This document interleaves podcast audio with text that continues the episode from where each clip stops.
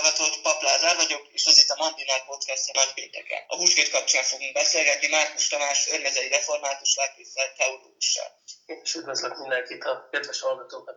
Az egyházi vezetők, meghatározó személyiségek ö, reflektálnak a koronavírus által teremtett új helyzetre, valakik inkább megpróbálják ezt az áldásos oldalát ö, kihangsúlyozni az otthonmaradás pozitív hozadékaival, a családdal lehetünk, stb.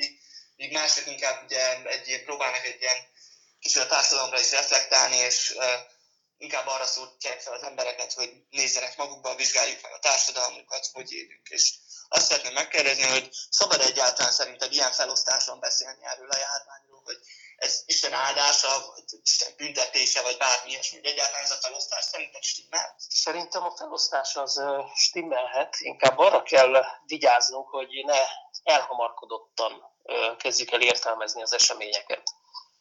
Tehát ilyenkor a keresztények között is vannak olyanok, akik hajlamosak túl gyorsan elnevezni ezt az egészet mondjuk istenítéletének, vagy, a, vagy éppen a másik oldalra, oldalra teszik a hangsúlyt, hogy, hogy magunkba kell nézni. Egyébként különösen az úrvacsora kérdésében jött elő például nálunk, a mi kis köreinkben teológusok szoktunk így beszélgetni, vitatkozni, és ezek az értelmezési lehetőségek azért egy picit olyan hirtelen bújtak ki a zsákból, hogy na most ez biztos Isten ítélete, azért mert mondjuk az úrvacsorával nem éltünk helyesen, valaki meg azt mondja, hogy új lehetőséget teremt. Én azt mondanám a bibliai példákra tekintve, hogy mindenképpen értelmezhetjük, és értelmeznünk is kell ezeket az eseményeket. Azért fogalmazok így, hogy értelmeznünk kell, mert például egy angol-brit bibliatudós, N.T. Wright, elég neves, híres protestáns és evangéliumi körökben, megjelentetett egy cikket, talán a Times magazin hasábjai jelent meg, és például azt mondta számomra megdöbbentő módon, hogy egyáltalán nem kell nekünk ezt értelmeznünk, a keresztényeknek ebben a helyzetben a síralom és a panasz, mint opció marad meg. Tehát nem kell rögtön hozzáfűznünk valamit. És én értem, hogy ő miért mondja ezt, de az, hogy, hogy ne lehetne ezt valamilyen nagyobb, tágabb kontextusba belhelyezni, azzal viszont abszolút nem értek egyet, hiszen alapvető tény, hogy Isten a világ ura, szuverén ura, és semmi, semmi nem történik véletlenül. Tehát ha valami történik, annak, annak nem valami célja. Hát pedig egy olyan célja, ami, ami, ami Isten számára fontos. Ez nem azt jelenti, hogy azért azt hozzá kell tennem, hogy minden, ami megtörténik, az jó. Tehát én nem ezt mondom, mert ez a, például ez a, a vírus, ez egyértelműen egy negatív dolog. Hát ember tömegek halnak meg, tehát ez mindenképpen rossz.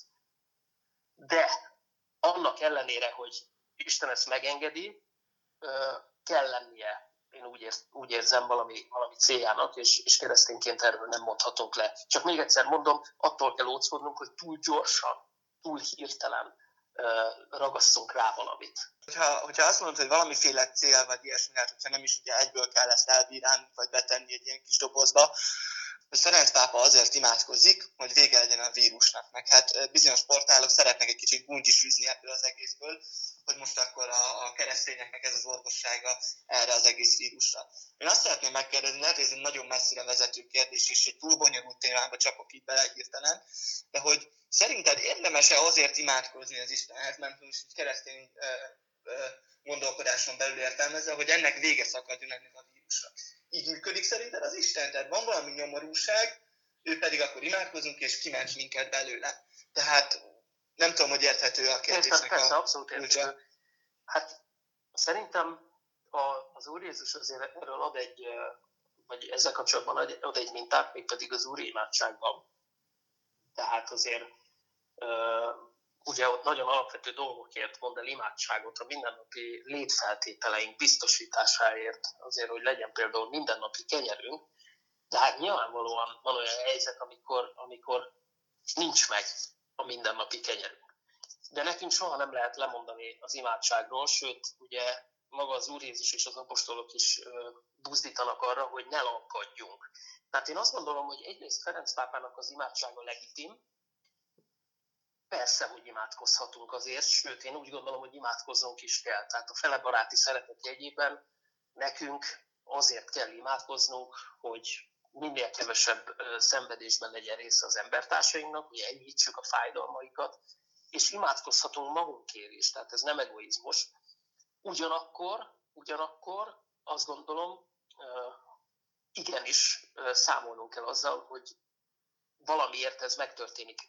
Talán úgy tudnám ezt megvilágítani, ezt általában a teológusok így szokták, hogy, hogy van Istennek egy megengedő akarata, és van egy kijelentett akarata.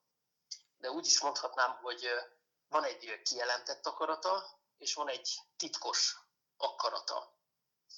Tehát ez azt jelenti, hogy amit a Bibliában olvasunk, vagy ami mondjuk a Tórában ki van jelentve, tíz parancsolat, az erkölcsi dolgok, a, az, az új szövetségben Jézusnak a tanítása, ami ugye végül is az egész Biblia koronája is magában foglalja, vagy az apostoli imperatívuszok, parancsok, ezek konkrét, értelmezhető utasítások, tanítások, amiket nekünk tekintetbe kell vennünk.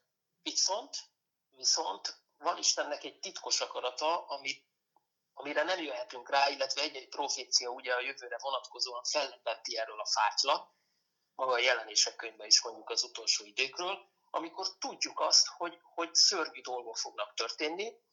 Ezeknek, hogy mondjam, a közvetlen okozója sokszor a sátán, vagy a gonosz, de mégis az egész nagy benne van, talán a hallgatók látták a Sorsügynökség című filmet, akkor ezek a különböző szintek egy picit, hát nagyon jól kirajzoltak benne.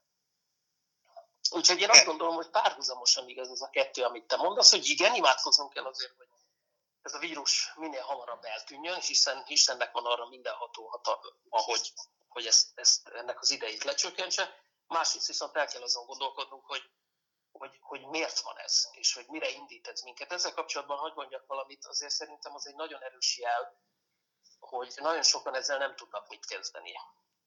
És itt most nem feltétlenül a halálesetekre gondolok, ami szörnyű, hanem arra, hogy van egy ilyen iszonyatosan felgyorsult világ, tényleg egy ilyen elképesztő tempót diktáló turbulencia, amiben nap mint nap benne vagyunk, és akkor hirtelen a külső körülmények úgy változnak meg, hogy egyszerűen föl kell tenni a kezünket, és azt, azt kell mondani, hogy nem tudunk mit csinálni.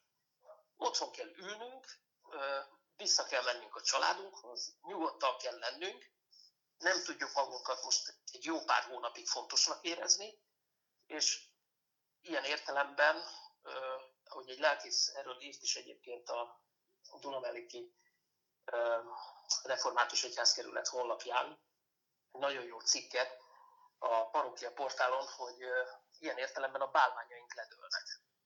Mindenkinek vannak bálványai. Az, hogy mondjuk a munkája, lehet ez a sport, nem mondom, hogy a sport rossz, és nem mondom, hogy a munka rossz, hogy félreértsük, csak amikor ez lesz az identitásunk alapja, és ezernyi más dolog. És most ezt nem, ezt nem tudjuk megélni, és nem tudunk ebbe kapaszkodni. És egyszerűen tényleg el kell engednünk a botkormányt. És ez nagyon sok ember számára, egyébként a lelkészek számára is, mert most nem tudják hogy a programokat szervezni, most hirtelen mindent ki kell engedniük a kezükből, be kell zárniuk a templomajtókat, nem tudnak olyanért úgy prédikálni, hogy megszokták, hátra kell dőlniük, és egyszerűen bízniuk kell abba, hogy Isten elintézi ezt a dolgot. Értem. Ö, akkor gyakorlatilag egyébként tehát itt már is egy valahol egy pozitív hozadékáról beszéltünk ennek az egésznek, vagy egy olyan változásról, ami, ami és mit gondolsz, hogy hát most itt igazából te a saját egyházadat látod valószínűleg a legjobban, mi, mi az, amire ez a vírus rávilágít, ráfókuszál, amit, amit, amiről azt érzed, vagy érzitek, hogy másképp kellene csinálni, teljesen máshol helyezni a fókusz. Tehát van ilyen, amit már most mondjuk kinyitott számotokra ez a vírus, vagy, vagy megvilágított? Vannak gyakorlati előnyei ennek az egésznek.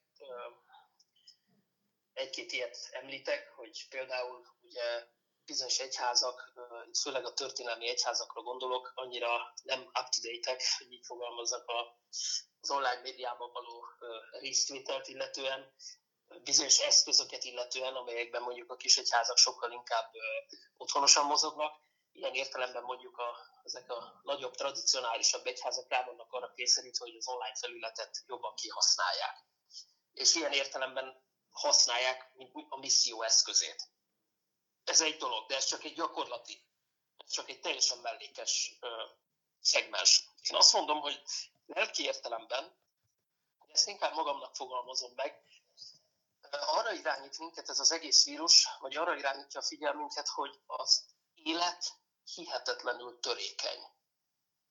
Tehát pontosan azért, mert gazdasági jólét van, nem azt mondom, hogy mindenki nagyon jól él, de azt mondom, hogy viszonylag jól élünk mondjuk ahhoz képest, hogy 200, 300, 400, 500 éve milyen volt az életszínvonal, és sokszor az emberek bele se gondolnak abba, hogy ennek, pillanat, ennek pillanatok alatt vége lehet. Tehát törékeny az élet. Bármikor jöhet a halál. Most látjuk ugye Olaszországban, hát szinte már napi ezrek halnak meg. Magyarországon is ugye már ezerre kúszott a fertőzöttek száma, és sokan meghaltak. Örökké valóságra kell irányítani a figyelmünket, nem pedig arra, hogy élünk, ameddig élünk, de valahogy az az érzés van bennünk, hogy örökké élünk.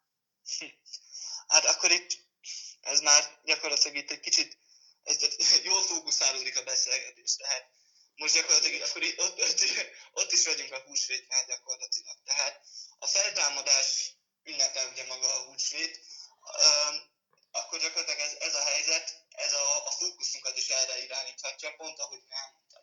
És ehhez azt szeretném hozzáfűzni, hogy nekem nem biztos, hogy ez egy ilyen általános tapasztalat, de az érzésem, hogy a, a húsvétot még egyházi vagy uh, hívő berkeken belül is sokkal nehezebben fogadja be az ember, vagy sokkal kevésbé vallásos módon éli meg, mint mondjuk a karácsony. Tehát a karácsonynál az ajándékok mellett nekem az az érzésem, hogy jobban ott van az, hogy megváltó született. Míg egy húsvétnál szerintem sokkal inkább azok a népszokások, a húsvéti nyuszi, a mit tudom én, a locsolkodás, a család, sokkal inkább átveszi a szerepét annak, hogy így gyakorlatilag az evangélium fókuszával van dolgunk, az evangélium kulcsával. Segíthetem most ez a helyzet abban, hogy a húsvétot annak ellenére, hogy például templomban nem járhatunk, jobban megéljük, vagy jobban tényleg arra, arra irányítsuk a saját figyelmünket, amire kell? Hát nem vagyok abban biztos, hogy a, nem tudom, hogy óriási missziós potenciálja lesz ennek a dolognak. Tehát azért én nem vagyok ilyen optimista. A, hogy mondjam, az üdv történetet tekintve biztos, hogy optimista vagyok, mert ha lehet egy regényhez hasonlítani az egész üdv történetet, akkor ez egy olyan regény, aminek már tudjuk a végét, vagy ismerjük a végkifejletet. Tehát a poént lelőtte előne Isten, tudjuk, hogy mi fog történni. Ilyen értelemben optimista vagyok, de én, én hogy mondjam, a magam köreiben azt nem tapasztalom, hogy, hogy, hogy most tömeges megtérések jönnének, de adja az Isten. Vagy az se, hogy most hirtelen a húsvét nem tudom, lényegére, céljára mindenki rádöbbenne, és bűnbánatot tartana.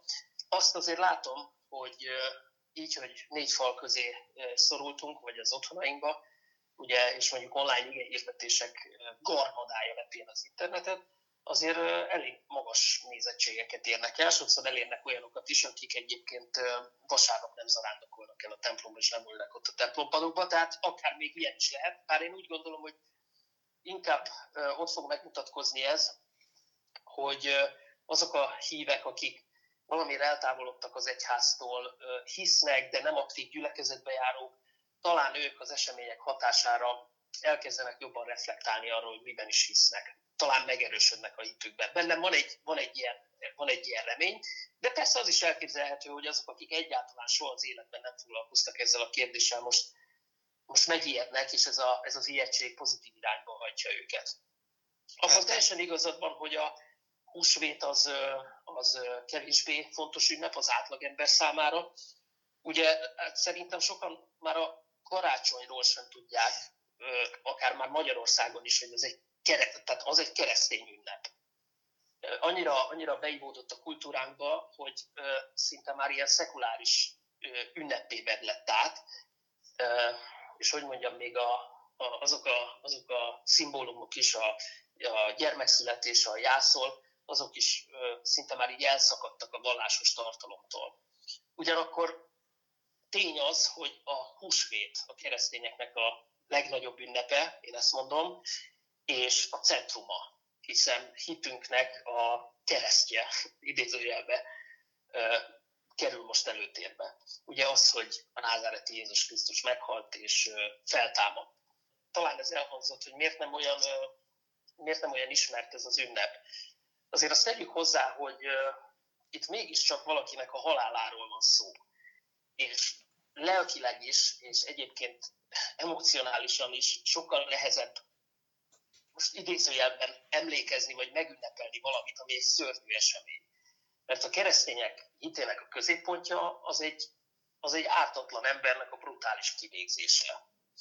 És elég ugye, hogy itt egy ártatlan kivégzéséről van szó, és akkor itt az emberek fejébe bekúsznak olyan képek, amelyet mondjuk a Passió című filmben láttak, amelyek szerintem egyébként teljesen jól visszaadják a valóságot, vagy mindazt, ami történt, hanem ha valaki átérzi ennek a, vagy látja az értelmét a húsvétnak, akkor magával kapcsolatban is egy nagyon szörnyű képet fog kialakítani. Tehát nagyon erősen kilök a komfortzónánkból, ha valaki egy picit belemélyed húsvétnak a jelentőségébe, és hogy is mondjam, félreteszi a tojást, meg a húsvéti nyulat, bár ezeknek az elemeknek is lehet vallásos értelmezést adni. Tehát a lényeg mégiscsak az, nagyon röviden a, a nagy reformátor Kálvi János szavait követem, hogy a húsvét arról szól, ez az alaphelyzet, ugye, hogy a bűn bejött a világba, amit mi ugyanúgy egy történelmi